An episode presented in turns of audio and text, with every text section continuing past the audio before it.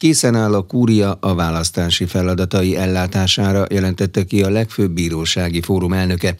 Vargazsi András sajtótájékoztatón azt mondta, a választási bíráskodás fóruma elenyésző kivételekkel a kúria, az egyes választási ügyek kiosztása pedig automatikusan történik. Az elnök helyettes arról beszélt, hogy a felkészülés ezúttal annyiban más, hogy a választással egy időben népszavazás is lesz, továbbá koronavírus járvány van. Patyi András kiemelte, a kúriának tömeges jogorvoslati kérelmek szoros határidőn belüli gyors és hatékony feldolgozására kell készülnie. Rozgonyi Ádám összeállítása. A kúria meggyőződése szerint a választási folyamat minden résztvevőjét, képviselőjelölteket, jelölő szervezeteket, választási bizottságokat és a választópolgárokat is megilleti az a tisztelet, hogy hiteles, pontos és részletes tájékoztatást kapjanak. A kúria a választásra való felkészüléséről, arról, hogy kik és milyen eljárásban fogják elbírálni a választási kérelmeket. És az első információ mindjárt az, hogy a választási ítélkezés fóruma elenyésző kivétellel a kúria. Megismétlem, a választási ítélkezést elenyésző kivétellel nem más bíróság végzi, hanem a kúria. A kúria már 2021 elején megkezdte a felkészülést a választási ítélkezésre, szeptembertől pedig módszeresen és aprólékosan folytatja az előkészületeket, tette hozzá Vargazsé András. Rögzültek az eljáró tanácsok, közigazgatási kollégium minden tanácsa egyenlő arányban végzi a választási ügyeket. Az ügyek kiosztása teljesen automatikus. Felkészítő anyagokat készítettünk, megvizsgáltuk a fizikai, informatikai és egyéb technikai feltételeket, számba vettük a lehetséges zavarforrásokat. Meggyőződésem, hogy a felkészülés eredményes volt, és a kúria készen áll választási feladatai ellátására. Patyi András a kúria jogegységi feladatokért felelős elnök helyettese azzal folytatta, a felkészülés ezúttal annyiban más, hogy a választással egy időben népszavazás is lesz, továbbá koronavírus járvány van. 2021. szeptemberében kezdődött meg az a szisztematikus felkészülő és egyeztető munka, melynek fő célja az volt, hogy a választási folyamatban érintett kúriai szereplők és kúrián kívüli szereplők egyaránt elvégezzék ezt a felkészítő, felkészülő munkát. 2021. szeptemberében tartottuk az első egyeztetést a Nemzeti Választási Iroda, illetve a Nemzeti Választási Bizottság vezetőivel, elnökével, valamint az Alkotmánybíróság főtitkárával. Ebben áttekintettük a 2018-as országos és 2019-es európai parlamenti, valamint önkormányzati helyi választási eljárásoknak a tapasztalatait, a jogorvoslatok kezelésének alapvető nehézségeit. Természetesen rendszeres belső egyeztetéseket is tartottunk.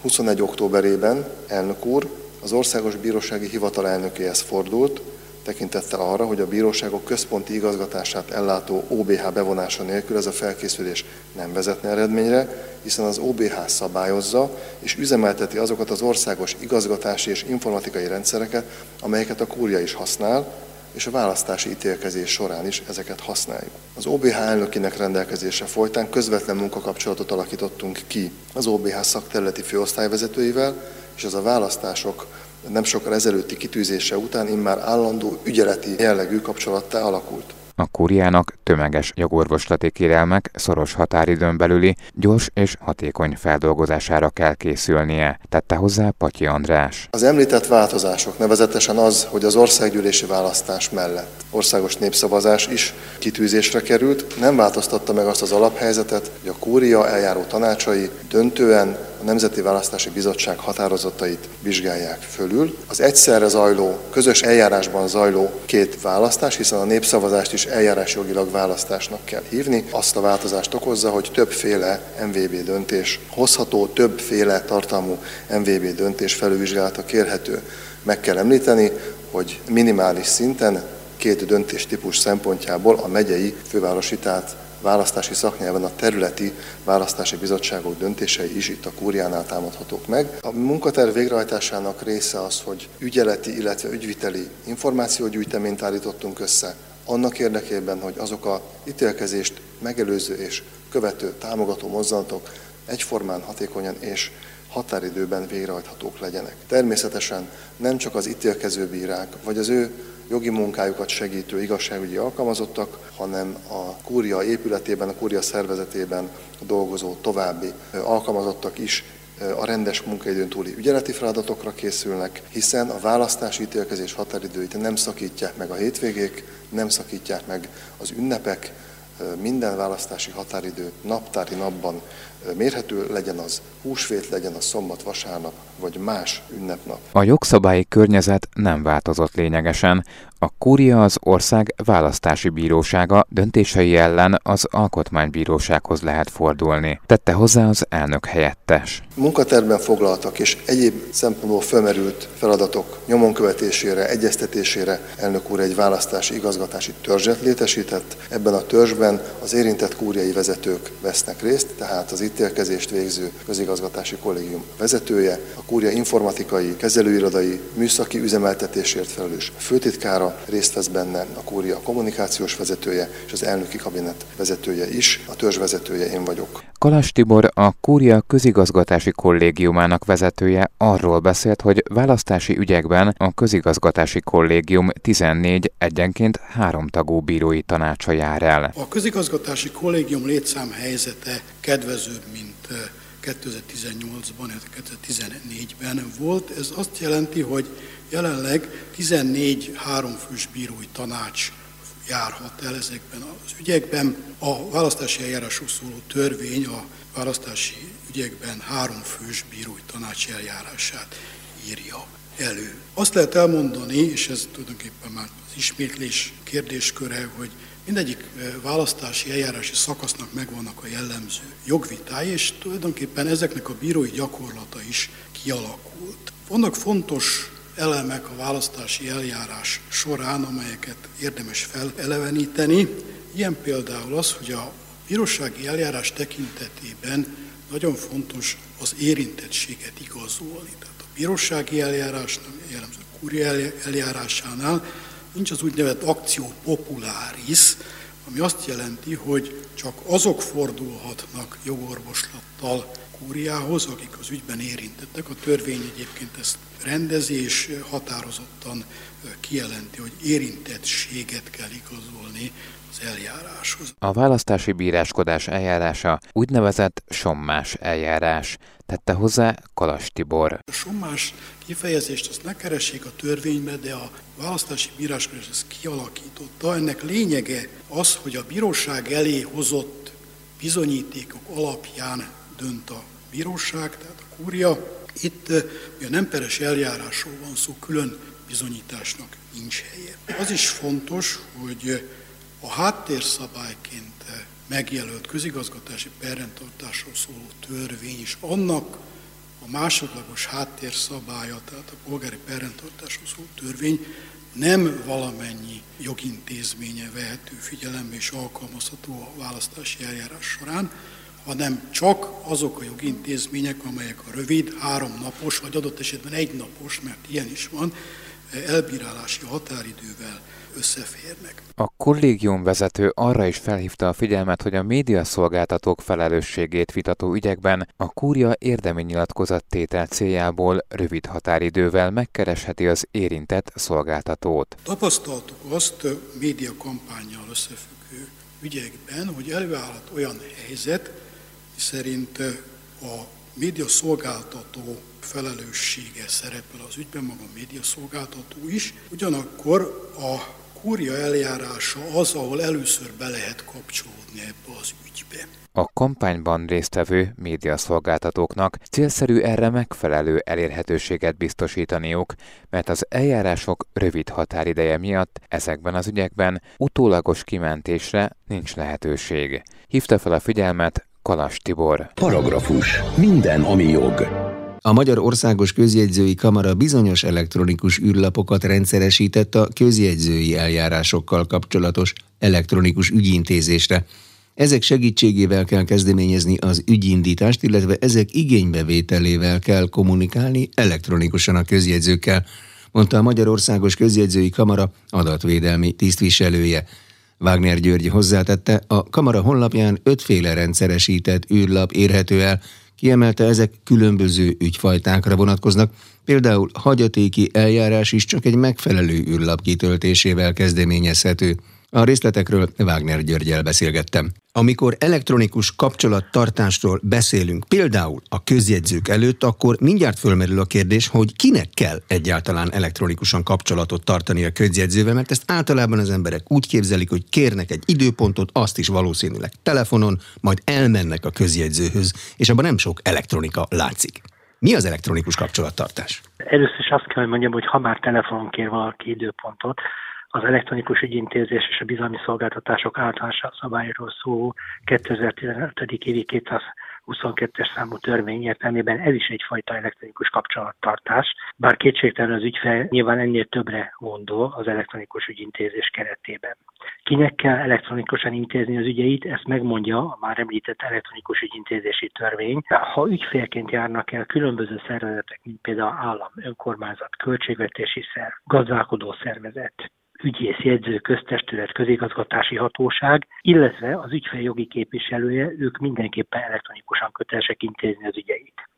Más számára, tehát az átlag ügyfél számára, állampolgár számára ez nem kötelezettség az elektronikus ügyintézés, hanem lehetőség. Akik kötelezettek elektronikusan ügyintézni, az azt jelenti, hogy minden aktusukat kizárólag elektronikusan kell, hogy végrehajtsák? Igen, kivéve, hogyha jogszabály másként rendelkezik.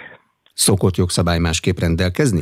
Igen, ebben az esetben, hogyha speciális jogszabály vonatkozik valamelyik eljárásra, mint például a közjegyzők tekintetében a fizetési meghagyásos eljárásról szóló törvény, ott van olyan rendelkezés, amely miatt adott esetben mégsem kell elektronikusan eljárnia ennek az elektronikusan eljárásra kötelezett ügyfélnek. Mennyire formalizálta az elektronikus eljárás? Az ember úgy képzelné, hogy nem nagyon, hiszen írok egy e-mailt, vagy a jogi képviselőm ír egy e-mailt, és az onnan kezdve elektronikus kapcsolattartás, és megy minden a maga útján. Így van? Nem, ez egyáltalán nem így van. A Magyarországos Közjegyzői Kamara rendszeresített bizonyos elektronikus űrlapokat, úgynevezett ANK űrlapokat, a közjegyzői eljárásokkal kapcsolatos elektronikus ügyintézésre. Ezeken kell kezdeményezni ügyindítást, illetve ezeken keresztül kell kommunikálni, ezek igénybevételvel kell kommunikálni a közjegyzőkkel elektronikusan. Ez egyébként nem túl bonyolult, ötféle ilyen űrlap lett rendszeresítve,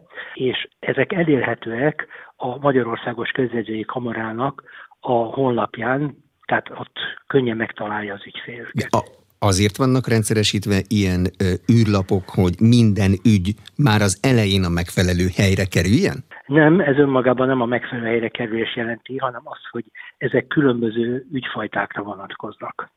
Tehát egyfajta szelektálás jelent a tekintetben, hogy mit kíván elektronikusan intézni az ügyfél. Például a hagyatéki eljárásra egy külön űrlap van. Mhm. Mi a sorsa az ezen az űrlapon kezdeményezett ügynek? Gondolom ilyenkor egy ügyet kezdeményez valaki. Így van, de természetesen az is lehet, hogy már folyamatban lévő ügyben akar elektronikusan reagálni a közjegyző felé, hiszen például a hagyatéki eljárási ügyet azt nem az ügyfél kezdeményezi. Amennyiben elektronikusan kezdeményezi az eljárást az ügyfél, akkor természetesen ezt iktatják, és megkapja az a közjegyző, aki az eljárásra illetékes.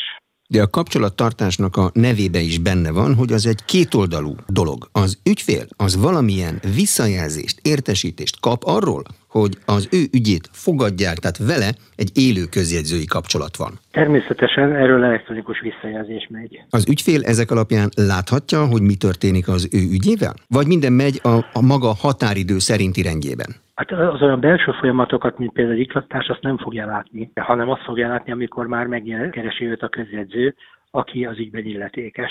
Ha elektronikus kapcsolattartásra kötelezett ügyfélről van szó, akkor vele csak is ezen a formán lehet kapcsolatot tartani. Tehát nincs olyan, hogy az közjegyző, ha valamit nem lát, akkor föl, fölemeli a telefont, ha van ott egy telefonszám, és fölhívja az ügyfelet? Természetesen ilyen megtörténhet, hiszen az elektronikus ügyintézési törvény azért lehetőséget biztosít arra is, hogy mint a korábban már említettem a telefon, illetve az elektronikus az e-mail útján is lehessen kommunikálni.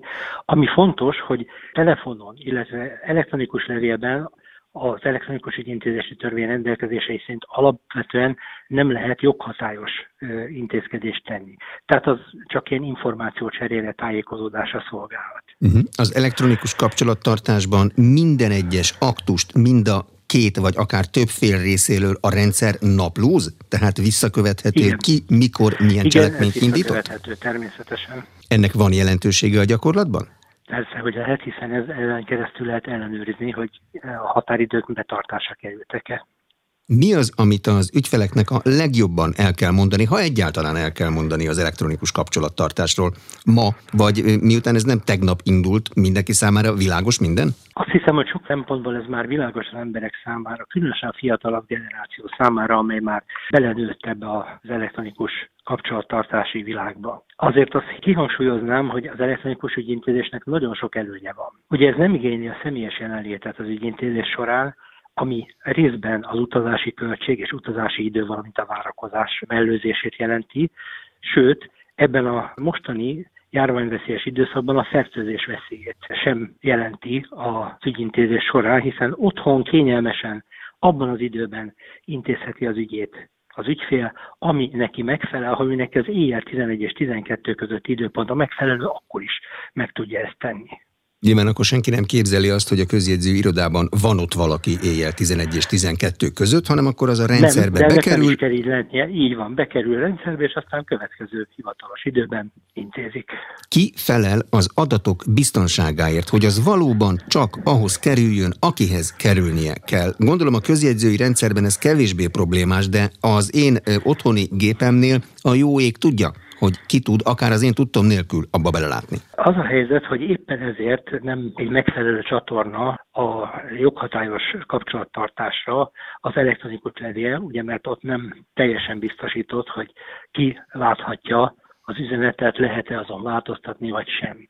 Olyan csatornán történik a kommunikáció, amely lehetővé teszi azt, hogy az üzenet ne legyen megváltoztatható, beazonosítható legyen az küldője, tehát megfeleljen ezeknek a fontos szempontoknak. Adatvédelmi incidensek szoktak történni ebben a rendszerben? Azért kérdezem, mert a világon mindenhol történnek ma adatvédelmi incidensek, és ezért általában az adott szervezet adatvédelmi tisztviselője felel. Adatvédelmi incidensek természetesen, ahogy mondani szokták, ahol fát vágnak, hullik a forgács. Tehát ez mindenképpen előfordulhat.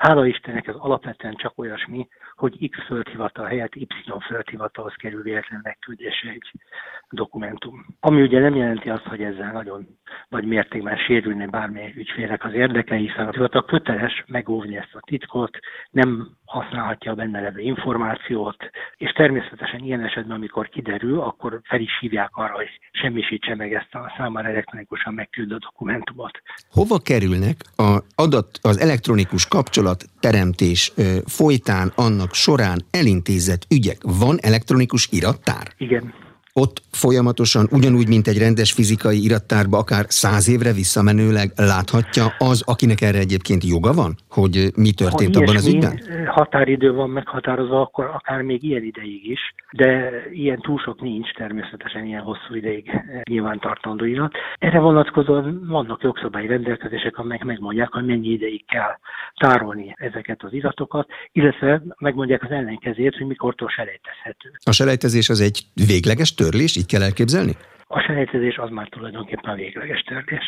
Milyen ügytípusban használják a legtöbbször az elektronikus kapcsolattartást, ha egyáltalán ilyen sorrend felállítható? Hát én azt hiszem, hogy talán a fizetési meghagyásos eljárás az leginkább, amelyben ez e, nagyon tud érvényesülni.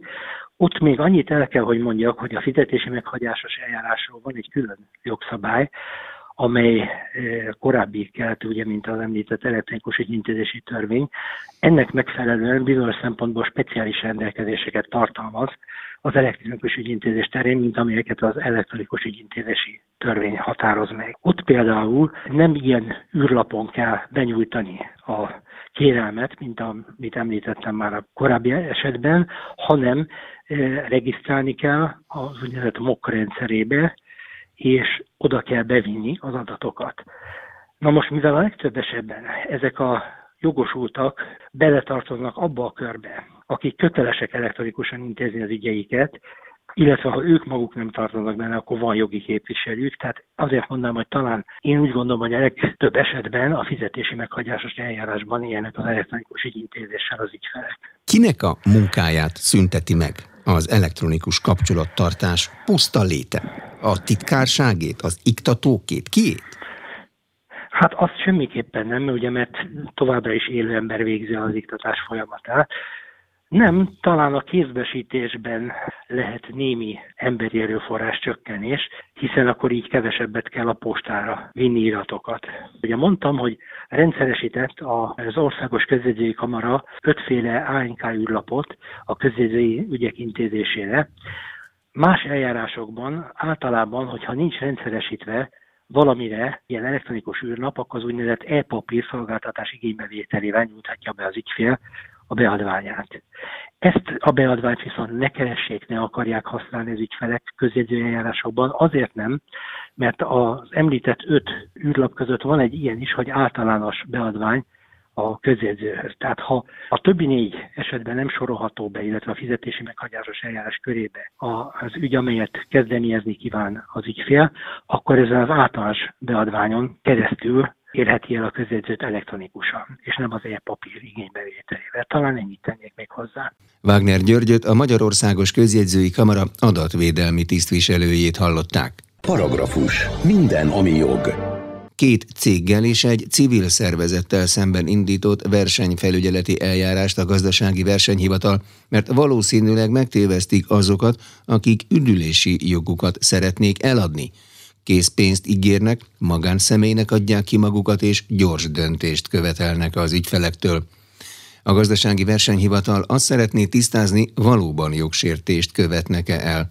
Tatár Timeának mondta el a továbbiakat Gondolovics Katalin, a gazdasági versenyhivatal szóvivője. Az üdülési jog birtokában egy meghatározott ideig egy üdülő ingatlan jogát használhatja ugye a tulajdonos. Jelentős plusz költségeket kell fizetni akkor is, hogyha valaki nem használja ki. Történhet bárkinek az egészségi állapotában, vagy az anyagi helyzetében egy változás, aminek következtében nem tud élni ezzel az üdülési lehetőséggel, és ilyenkor ezek a tulajdonosok szeretnének megszabadulni az üdülési joguktól. Ez nem könnyű, és ezt használják ki sokszor a vállalkozások, azokat tévesztik meg, akik az üdülési joguktól szeretnének megválni. Milyen formában próbálják megtéveszteni vagy félretájékoztatni ezeket az embereket? Az érintett fogyasztókat elsősorban telefonon keresik meg, azzal a sokat ígérő ajánlattal, hogy magánszemélyként készpénzben szeretnék megvásárolni az üdülési jogukat. Később, amikor a személyes találkozóra sor kerül, akkor már egy előkészített szerződéssel várják. Ebből viszont kiderül, hogy itt nem egy magánszemély lenne a vevő, hanem egy vállalkozás. A fizetés pedig nem készpénzben történik, hanem egy vásárlási rendszerben levásárolható kreditben. Ebben történő belépésért is még fizetnie kell a fogyasztónak. A helyszínen történik egy nyomásgyakorlás, limitált számú üdülési jog megvásárlására van lehetőség, most itt rövid időn belül, tehát nem adnak lehetőséget arra, hogy a fogyasztók átolvassák a szerződést, vagy tájékozódjanak a feltételrendszerről, és sajnos aki aláírja ezt a szerződést,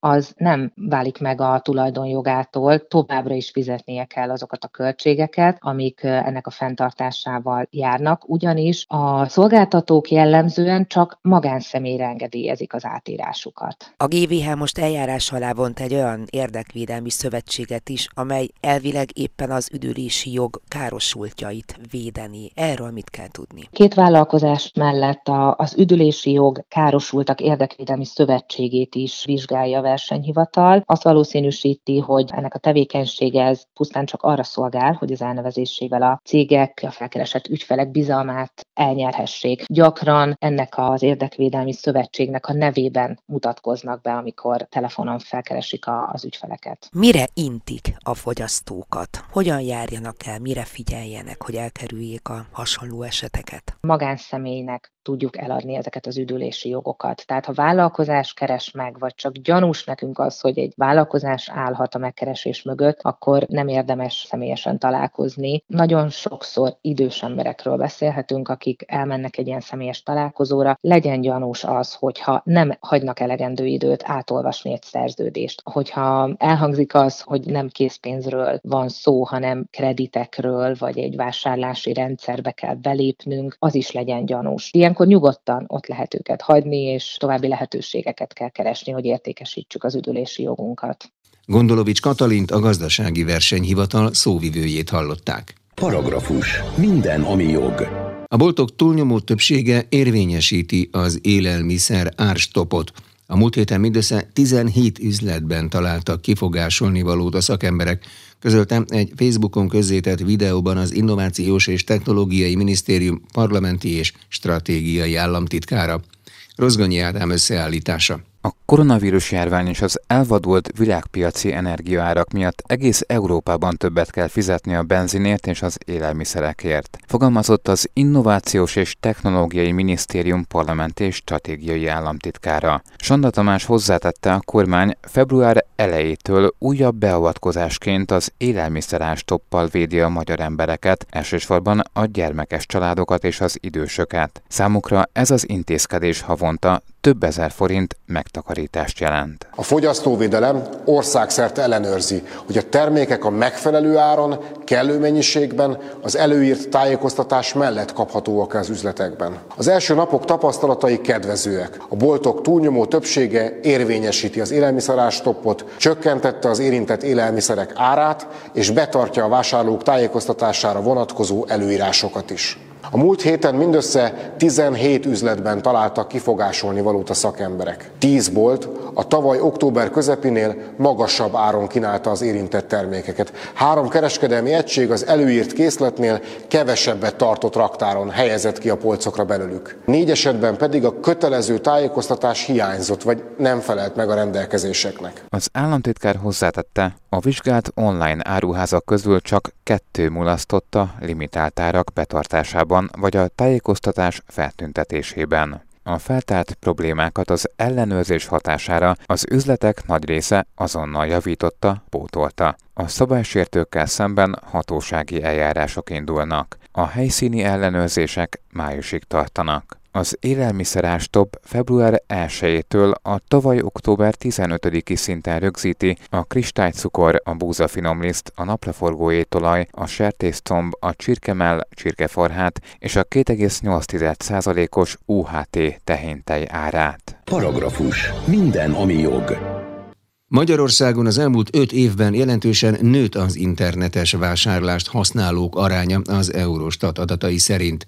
Az Innovációs és Technológiai Minisztérium kiemelten kezeli a fogyasztók védelmét az online térben, ezért 2 millió forintra megemelte azt az összeget, amely egy webshopra kiszabható, ha ismételt jogsértést követel tájékoztatta az Inforádiót a tárca fogyasztóvédelemért felelős helyettes államtitkára. Keszthelyi Nikolettát Sipos Ildikó kérdezte. A statisztika alapján még 2016-ban 48 százalék volt a hazai internethasználók száma, addig 2021-ben ez már 74 százalékra növekedett, tehát egy 26 százalék pontos bővülés volt Magyarországon az online kereskedelem tekintetében, tehát azoknak a számában, akik az online vásárlást választják. Ezzel a számmal egyébként az Európai Unióban a második legmagasabb helyen áll Magyarország, ugye Csehországban emelkedett ennél nagyobb mértékben az online vásárlások száma. És ezt látjuk egyébként a fogyasztóvédelemben is, illetve folyamatosan 2016-tól ugyanígy lekövetjük az online kereskedelem bővülését a fogyasztóvédelmi területen is, hiszen 2016 óta szinte minden évben bevezetünk valamilyen jogszabálymódosítást, illetve szigorítást, vagy jelentősebb ellenőrzés számot az online kereskedelem területén. Mekkora bírság róható ki például egy olyan webshopra, amelyik valamilyen jogsértést követel. Nyilván ugye ez függ attól, hogy mi a jogsértés maga. Most már gyakorlatilag hat éve magasabb a bírság sáv az online kereskedelemben, ugyanis a 200 ezer forinttól 2 millió forintig szabhat ki a fogyasztóvédelmi hatóság bírságot az online kereskedőkre, akkor, hogyha valamilyen fogyasztóvédelmi jogsértést követtek el. Ez korábban, tehát a 2016 2016-os jogszabálymódosítást megelőzően 15 ezer és 500 ezer forint volt, amely nagyon alacsony bírságnak bizonyult, hiszen a jogsértések arányából azt láttuk, hogy ez nem kellően visszatartó az online vállalkozások részére, ugyanis az ismételt ellenőrzések során is nagyon gyakran 50 százalék fölötti volt a jogsértési arány, tehát amely azt jelenti, hogy az ellenőrzött